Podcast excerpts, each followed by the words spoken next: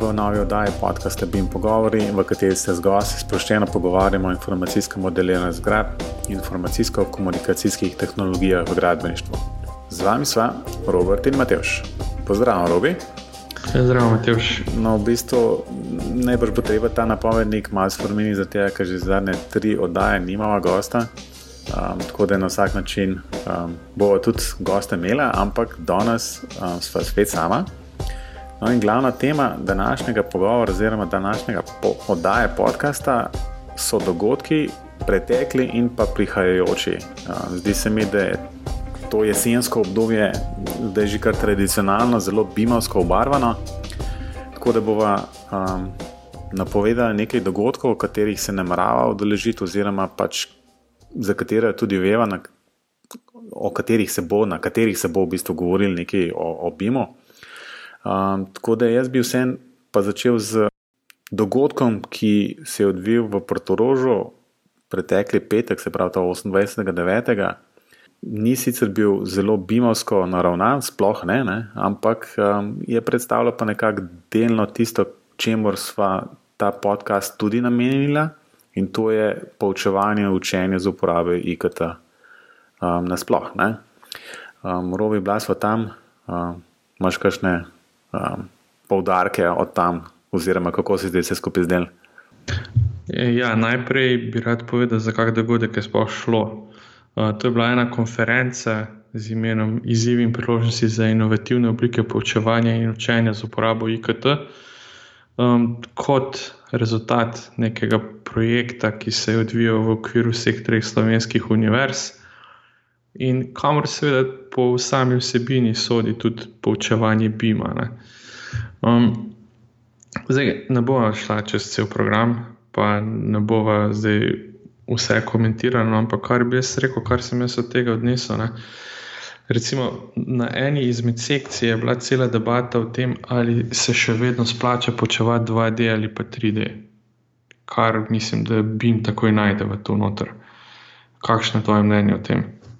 No, moje mnenje je v bistvu skoraj vedno enako. Um, jaz 2D ne bi čisto stran vrgel, um, zato ker vsem predstavljam nek korak, ki se ga skoraj nikoli ne da ali pa se ga saj še nekaj časa ne bo dala čisto vreč. Um, še vedno bo, um, če konec koncev gledamo literaturo um, in rečemo, v redu, v knjigah se je zbrano neko znanje, knjige so pač, še posebej tiste v papirni obliki, so pač 2D um, in, in tist moš nekako predstaviti. In, Um, ne vem, kot rečeno, je pa vprašanje, z katerega vidika zdaj to vzeti, ali kar 3D, pa potem je nazaj na 2D, um, oziroma pač v obratni se pravi najprej razne narize, tlorise in podobne stvari, pa potem od tukaj naprej v 3D. Ampak hm, bom rekel tako, da niti pri svojem poučevanju na fakulteti ne uporabljam toliko 3D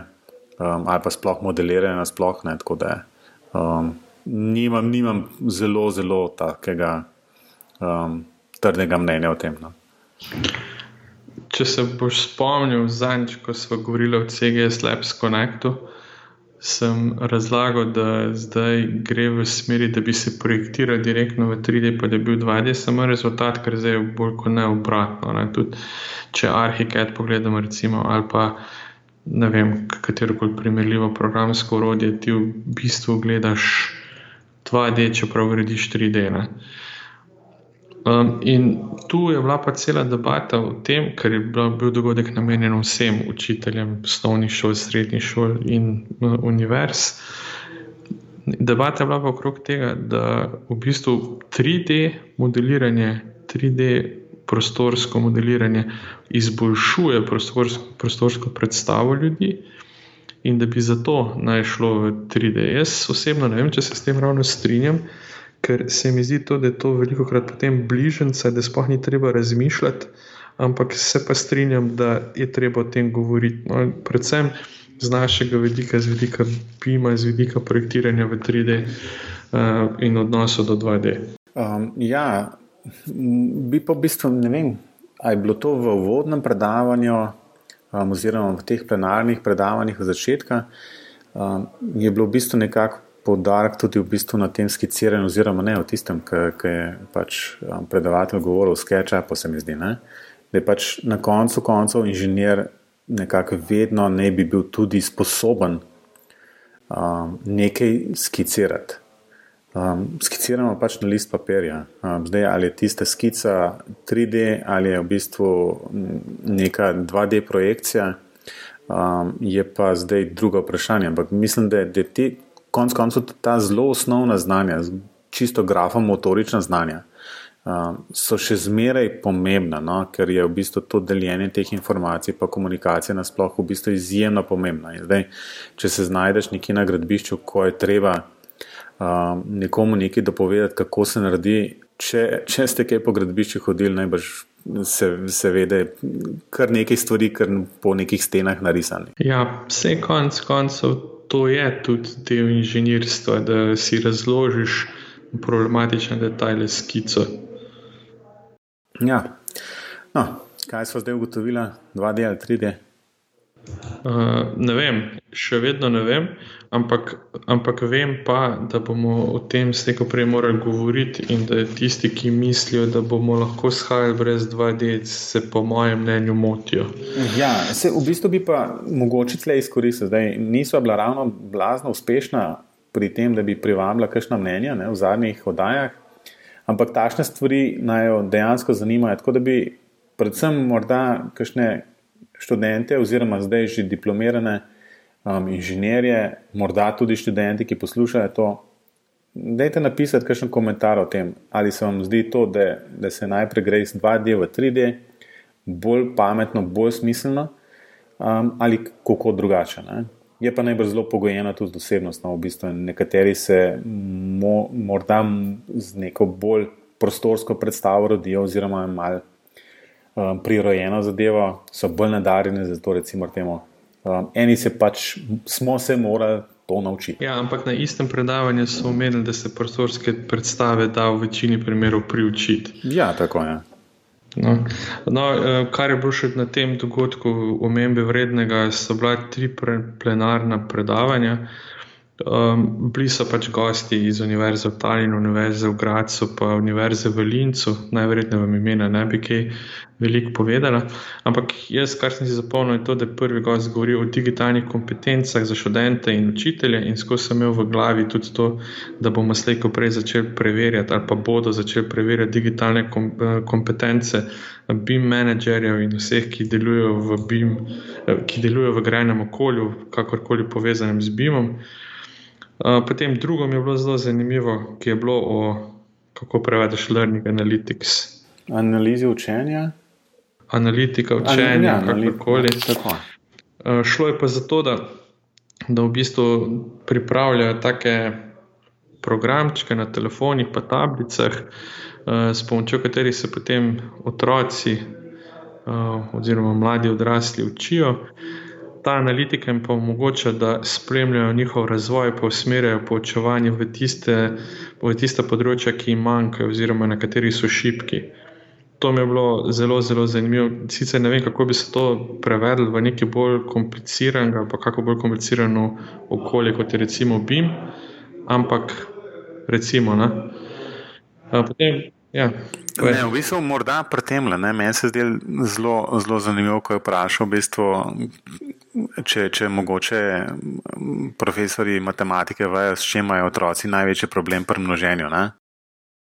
Kjer je množenje, tiste, tiste mi si, si mi je zdela super, ne? in odgovor je jasno 7 krat 8. Uh, Ampak kar je bilo meni zanimivo, je to, da je bilo to vprašanje namenjeno publiki in je izstrelil ja, iz ja, publike ja, en učitelj matematike, kar pomeni, da dobri učitelji vedo te ampak stvari tudi to, brez to, analitike. Ja, to intuitivno vejo, ne? ampak to, kar sem jaz potem razmišljal, je, da zdaj. To je, to je res relativno preprost primer. Ne? Se pravi, pač tabela otroci izpolnjuje to, in potem si pač sistem zapomne, pri katerih množenih naredijo največ napak in koliko časa rabe, da se to naučijo. In dobiš tak nek lep graf oziroma pač tako matriko različno obarvano, ne, ki je nekje zelen, ki je bolj rdeč.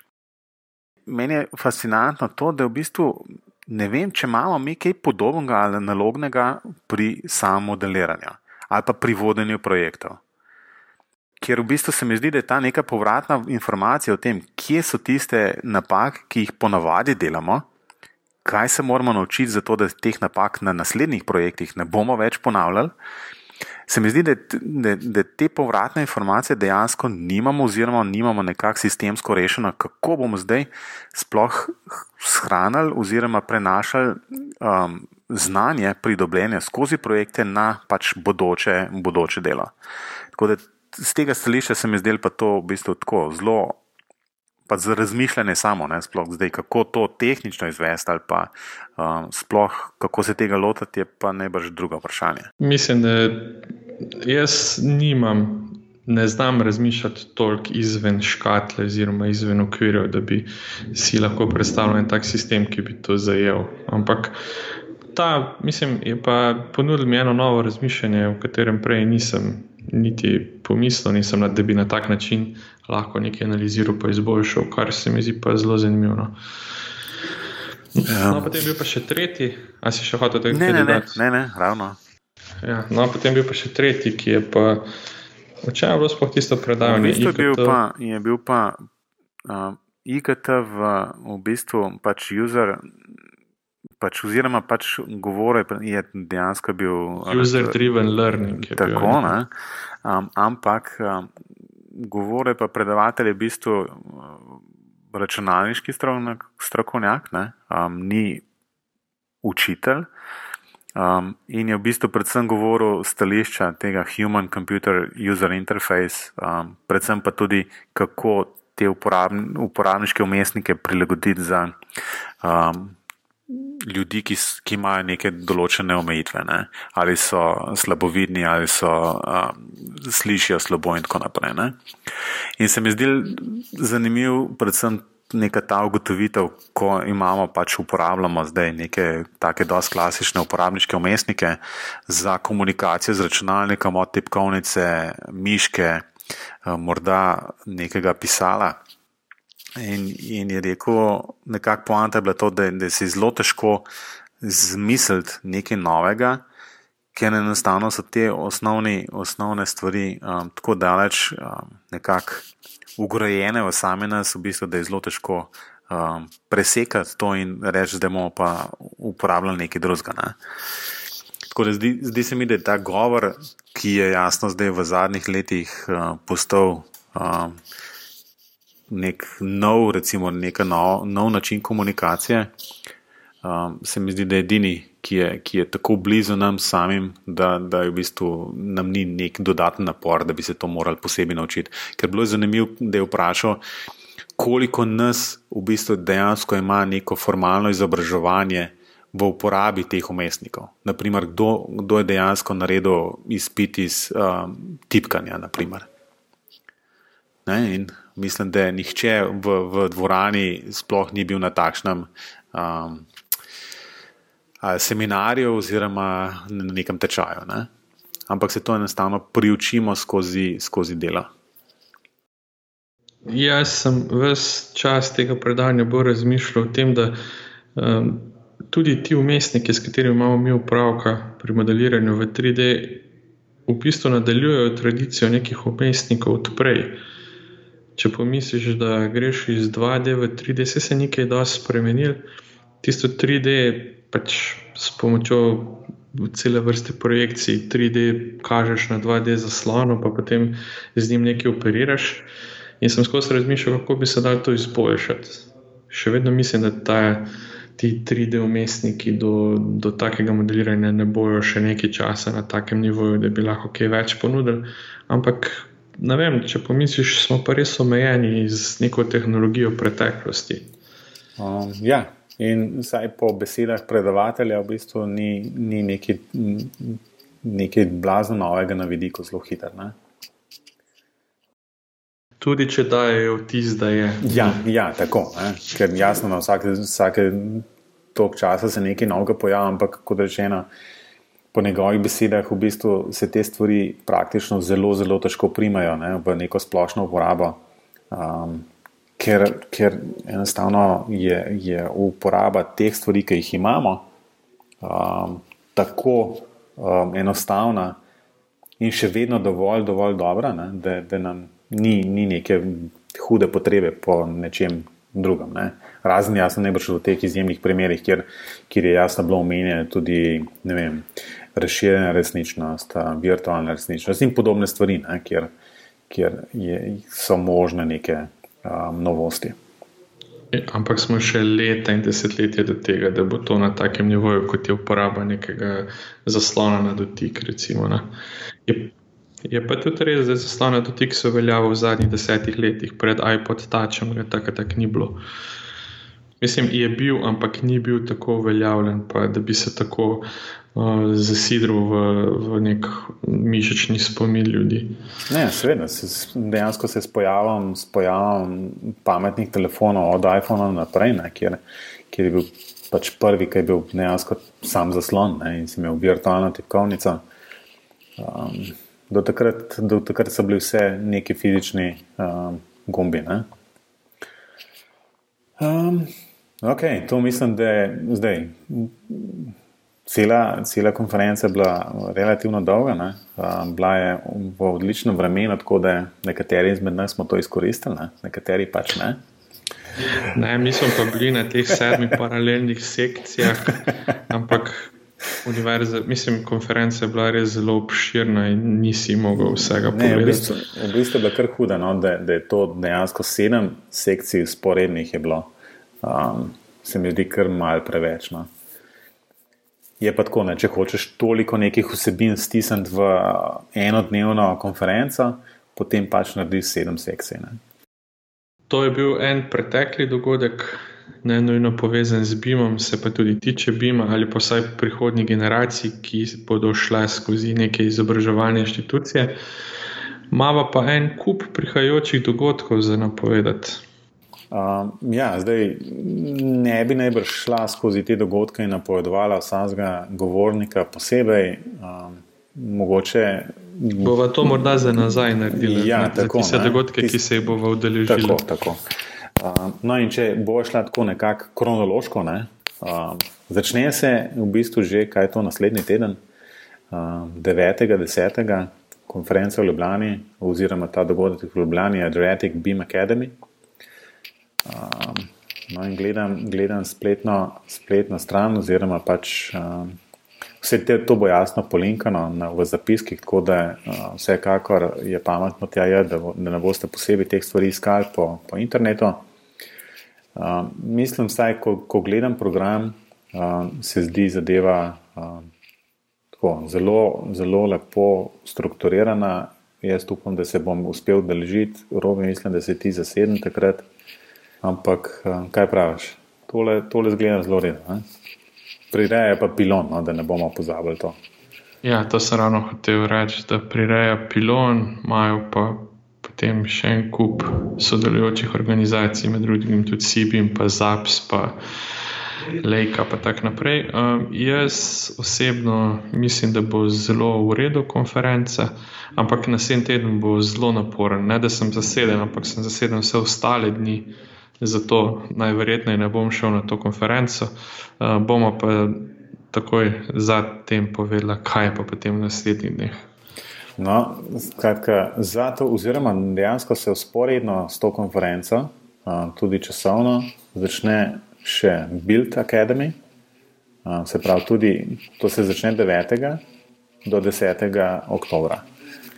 Ja, devetega je samo spoznavni večer, jaz se tistega zagotovo ne bom udeležil. Ampak ja, naslednji dogodek je bil Academy, ki je letos v Ljubljani, pa v sklopu cele BIM konference, ki bo ta naslednji teden potekala v Ljubljani. Um, en del je razdeljen, na, je namenjen študentom, drugi del je pa čisto komercialna konferenca. In ta Build Academy se začne 9.10. Uh, 10.10. v bistvu ta nek uradni del, eh, ko bojo študenti kaj tudi počeli. Letos je ta Build Academy na fakulteti za gradbeništvo in geodezijo, čeprav je bil prvotno predviden na fakulteti za arhitekturo, ampak je zaradi nekih dogodkov bil predstavljen k nam na FGG. Jaz apeliram na tiste študente, ki bodo to poslušali, dejte se prijaviti, zato ker take priložnosti prav kmalo ne boste več imeli, videti toliko stvari uh, povezanih z BIM-om, se mogoče naučiti ogromno enih stvari, kar vam bo prišlo prav tudi potem pri študiju, pa še naprej v karieri. Kotizacija pa 20 evrov samo zato, da se pokrije hrana za vas, ne za ostale. Pa mi kot FGG nimamo nič s tem, mi smo, mi smo samo ponudili prostore, vse ostale v organizaciji te Bild Akademije. Dejte se, res, dejte se udeležiti, je pa to namenjen študentom, ni namenjen ostalim. Za vse ostale pa potem se pa začne takoj po 10. se pravi 11. 10. pa do 13. 10. kar pomeni, od četrtka do sobote. Je pa ta prava Build Euro 2018 konferenca, o kateri ste gotovo kaj slišali po različnih kanalih to je pa en ogromen dogodek. Um, je pa tu en, en problem, a veš, ker problem je pri tej konferenci. Finančen. Tako, kotizacija. Kotizacija je pa v tem primeru, mislim, da je bila prvotna kotizacija 1770 evrov, kar je mnogo preveč za marsikoga, predvsem v Sloveniji. Um, Je pa res, da so v zadnjih dneh in tednih to znižali na polovico za slovence, tako da kotizacija pride pol. Če bo kdo v programu videl, kaj je zanimivo, če misli, da, da mu upraviči ta znesek, potem mislim, da se splača, splača te konference tudi udeležiti. Jaz pa sicer ne navijam, jaz nimam nič z njo, jaz se bom udeležil te konference kot čist navaden gost, tako da ne bo kdo mislil, da na kakšno reklamo. No, ampak um, mislim, da so pozabili povedati, kje ta konferenca sploh bo. Um, konferenca bo v Ljubljani um, na gospodarskem vrstovišču. Ja, ta tako imenovana prava konferenca ta, ta, na gospodarskem. Tako, No, a greva zdaj še malo na tuje, da je vse do zdaj bilo v Ljubljani. To je bilo vse v Ljubljani, sicer zelo, zelo hitro vrnil nazaj v Slovenijo, ampak v bistvu to si pa ti izvedel, jaz sploh za to nisem vedel, to je pa Intergeo Frankfurto. To sem izvedel na CGS Labs Connect. No, super. Um, in to je, če vidim prav, to vse, vse praktično zdaj, prvi polovici oktobra, um, konferenca od 16. do 18. oktobra um, v Frankfurtu. Um, zakaj ne bi bilo to zanimivo? Zanimivo je zaradi tega, ker povezuje. Ta je to v bistvu, če si prebral, je um, nek, za geospatial community. Tako se pravi, uh, v bistvu za geodete um, je zanimiva. Predvsem jaz si predstavljam to generacijo terenov, prenosi podatkov, pač vse, kar je s tem povezano. Vidim tudi, da imajo za za pametna mesta, pa ne vem, kakšne vse rešitve. Um, jaz, oziroma mi, da na to konferenco ne bova šla, um, ker ni v bistvu čisto iz najnega področja, bi pa znali biti zanimiv. Gledal sem moj program in je ogromno, ogromno govora o BIM-u, povezavi v BIM, kako ga uporabiti. Uh, vse te teme bodo pokrite, ampak se pravi, za mene osebno ni najbolj zanimiv, se mi pa zdaj vredno, da se dogodek omeni. Ja, ta je v bistvu, kot smo imeli že eno, eno oddajo na temo BIM in GIS. Uh, mislim, da je, da je ta povezava vsekakor zelo pač predstavlja neko prihodnost, ne? še posebej v Deti se nekako po nekih straneh tudi skoraj želijo nekako na svojo stran pridobiti tudi te BIM podatke, ne? kot geodeti, ki nekako skrbijo za te um, prostorske um, podatke. Želijo v bistvu nekako se postaviti tudi kot um, neki vzdrževalci, oziroma pač tisti, ki skrbijo za dejansko BIM podatke o teh objektih. Uh, ne v smislu načrtovanja, ampak predvsem tudi potem hrambe in potem povezovanja z drugimi uh, lokacijskimi podatki. Um, no, to, je, to je v Frankfurtu, potem se pa vrnemo nazaj v Slovenijo proti koncu oktobra. Tako, no, in oktobrske dogodke v Sloveniji zaokroža 14. slovenski kongres o cestah in prometu, kjer se pa seveda tudi ne bomo izognili BIM-u, sploh v luči vseh teh velikih infrastrukturnih objektov v Sloveniji, ki so se zadnje leta začeli izvajati. Uh, ali pa no, ki so se vsaj pripravljali. Imamo na eni strani karavanke, na drugi strani imamo tisto železniško progo tam okrog Šentilja, pa verjetno še en kup stvari, ki se bodo začele, drugi tir, pa tako naprej.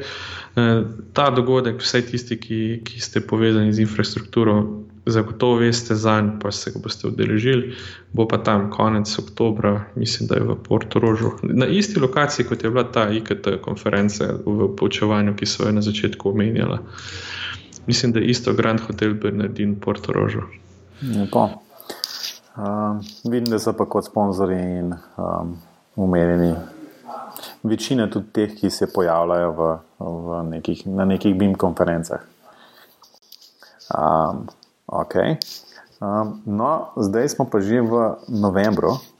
Um, novembra je pa drug tak, um, sicer potem je malo premora s temi BIM-ovskimi konferencami, ampak sredi, oziroma pač v drugi polovici novembra, natančneje 22. novembra, poteka pa Sibim konferenca, ki je to leto na Brdo pri Kranju.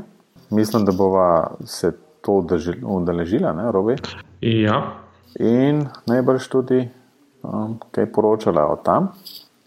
Ampak, um, kaj za dodati, v bistvu za Sibim konferenco je kakšna sprememba v, v vem, sklopih, um, kaj podobnega na samem načinu napram konferencam, ki so bile že um, izvedene pod okriljem Sibima. No, vem, bova videla. Nisem opazil, opazil sem, da še ni čisto določen, kaj bo z bimatlonom, ampak bomo videli. E, ta bimatlon ne bi bil um, predvidoma, ne? dan, dva pred samo konferenco. Ne? Saj tako um, so bile neke svoj čas informacije, ampak um, ne vejo pa natančno. Ne vejo pa natančno, kako bo z njim, tako da bova poročala sproti. No. Ehm, potem je pa še ena, takoj naslednji teden po Sibin konferenci, um, je pa Beam World, ta je pa umihno od 27. do 28. Um, novembra.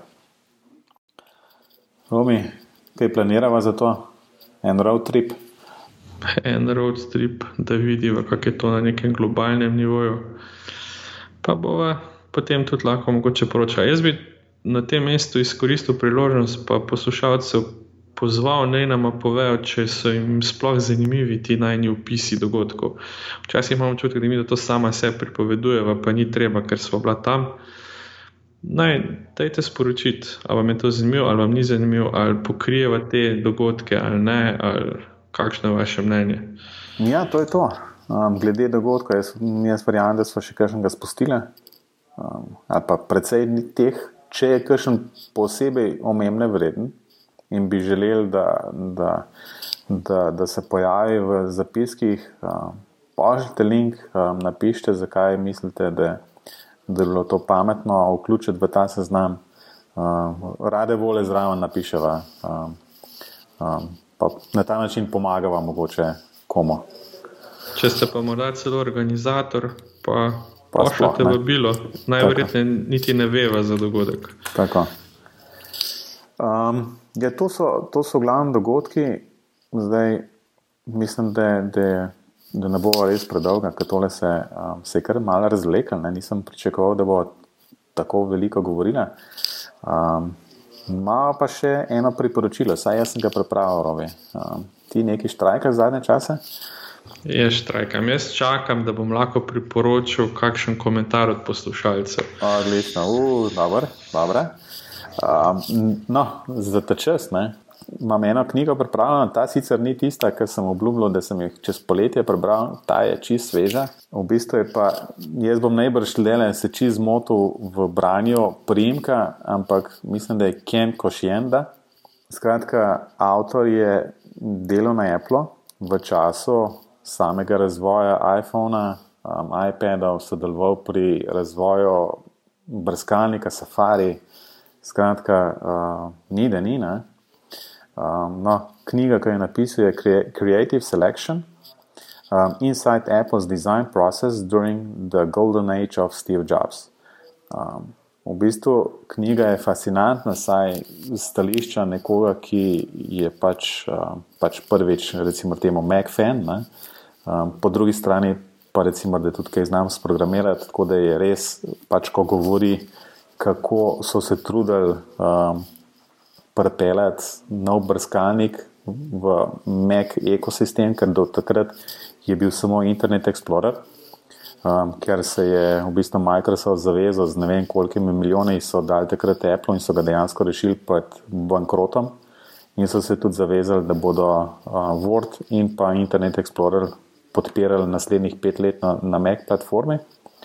No, v tem času pa je Apple se odločil, da bojo um, sami svoj brskalnik razvili. In um, lahko gibate, od kako so ga naredili. Ne? Robi, ti slučajno veš? Ne. Um, skratka, to je čisto po Appleovsko. Um, v bistvu on opisuje ta Ken, dejansko opisuje, kako so se tega lotili in so najprej gledali Mozilo. Um, takrat, takrat v tem času je bila Mozila kot odprtokodni projekt že zunaj. Um, en izmed sodelujočih na tem projektu je bil prej na Mozili, je to delo in je bil dejansko vključen v sam razvoj tistega brskalnika in se zaprobo najprej to v bistvu prenesti na Mac platformo.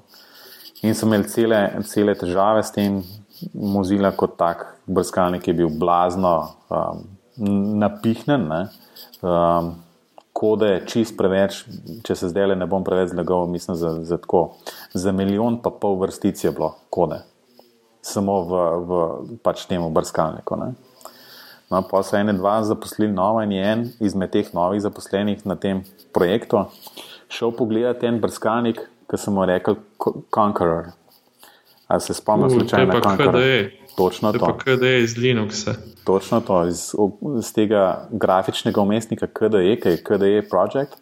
No, in oni so naredili tudi en ta brskalnik Conqueror, ki je imel pa potem, ko so šli štet vrstice, um, oziroma so pogledali, koliko vrstic jih dejansko vključuje, jih je vključil približno um, 150 tisoč samo. Za isto praktično funkcionalnost. In v bistvu so dejansko vzeli tisti brskalnik um, in ga začeli um, od začetka so ga zelo na grd način sploh spravili noter v Mek, da je sploh se pognal. Ne? No, in potem so pa začeli luščati tam vse stran stvari, ki so, ki so bile nekako zelo tesno povezane z KDE okoljem in te stvari začeti napeljati na knjižnice, ki jih je pač Mek um, imel, vključene. Ne? Tako da je um, zelo zanimivo poglavje. No? Skratka, in takšnih je še polno. No? Tako da um, priporočam branje. Um, se pravi, če kaj od tega vam je znano, razni KDE, Gnomi, um, Nautilus in podobni, ne? vse to je noter omenjeno. Tako da je res um, meni men zelo fascinantno branje. Um, ok, to je to. Mislim, da smo povedali dovolj. Robi, kaj za zaključek za dodati? Ne, samo še enkrat bi pozval, oglasite se, kaj, da ne bomo sami se pogovarjali, sami s sabo.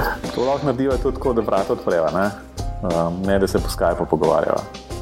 Tako je. Um, no, skratka, pridružujem se temu pozivu, Robi, um, za danes pa naj, najlepše hvala in jasno poslušalcem. Upam, da se um, kaj oglasite in slišimo se čez spet še 14 dni. Adijo. Adijo.